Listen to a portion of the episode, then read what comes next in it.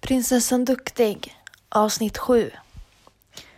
Det är svårt att se något positivt med sig själv och speciellt se sina styrkor istället för svagheter. Men idag tänkte jag ta upp vad jag anser vara styrkor hos mig. En styrka jag har är min skrift och mina ord. Jag kan uttrycka mig som bäst i skrift. Utan mina skrivna ord skulle jag inte vara någonting. Jag har även styrkor i att våga prata nu, vilket jag inte gjorde för några år sedan. För några år sedan hade jag aldrig i livet startat den podden. Aldrig. Det är också en styrka jag har. Att våga.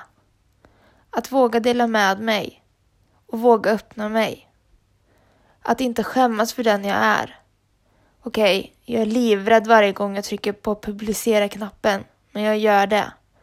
Och det är en stor styrka hos mig. Att våga. Vad, kan det finnas mer för styrkor hos mig? Det är så svårt att se det själv, men kan försöka lista några. Jag är omtänksam. Jag är hjälpsam. Jag sätter andra före mig själv. Man kan lita på mig. Vad är dina styrkor? Kan du lista dina styrkor istället för svagheter ikväll? Tänk på vad du är bra på istället för tvärtom. Det ska i alla fall jag försöka med.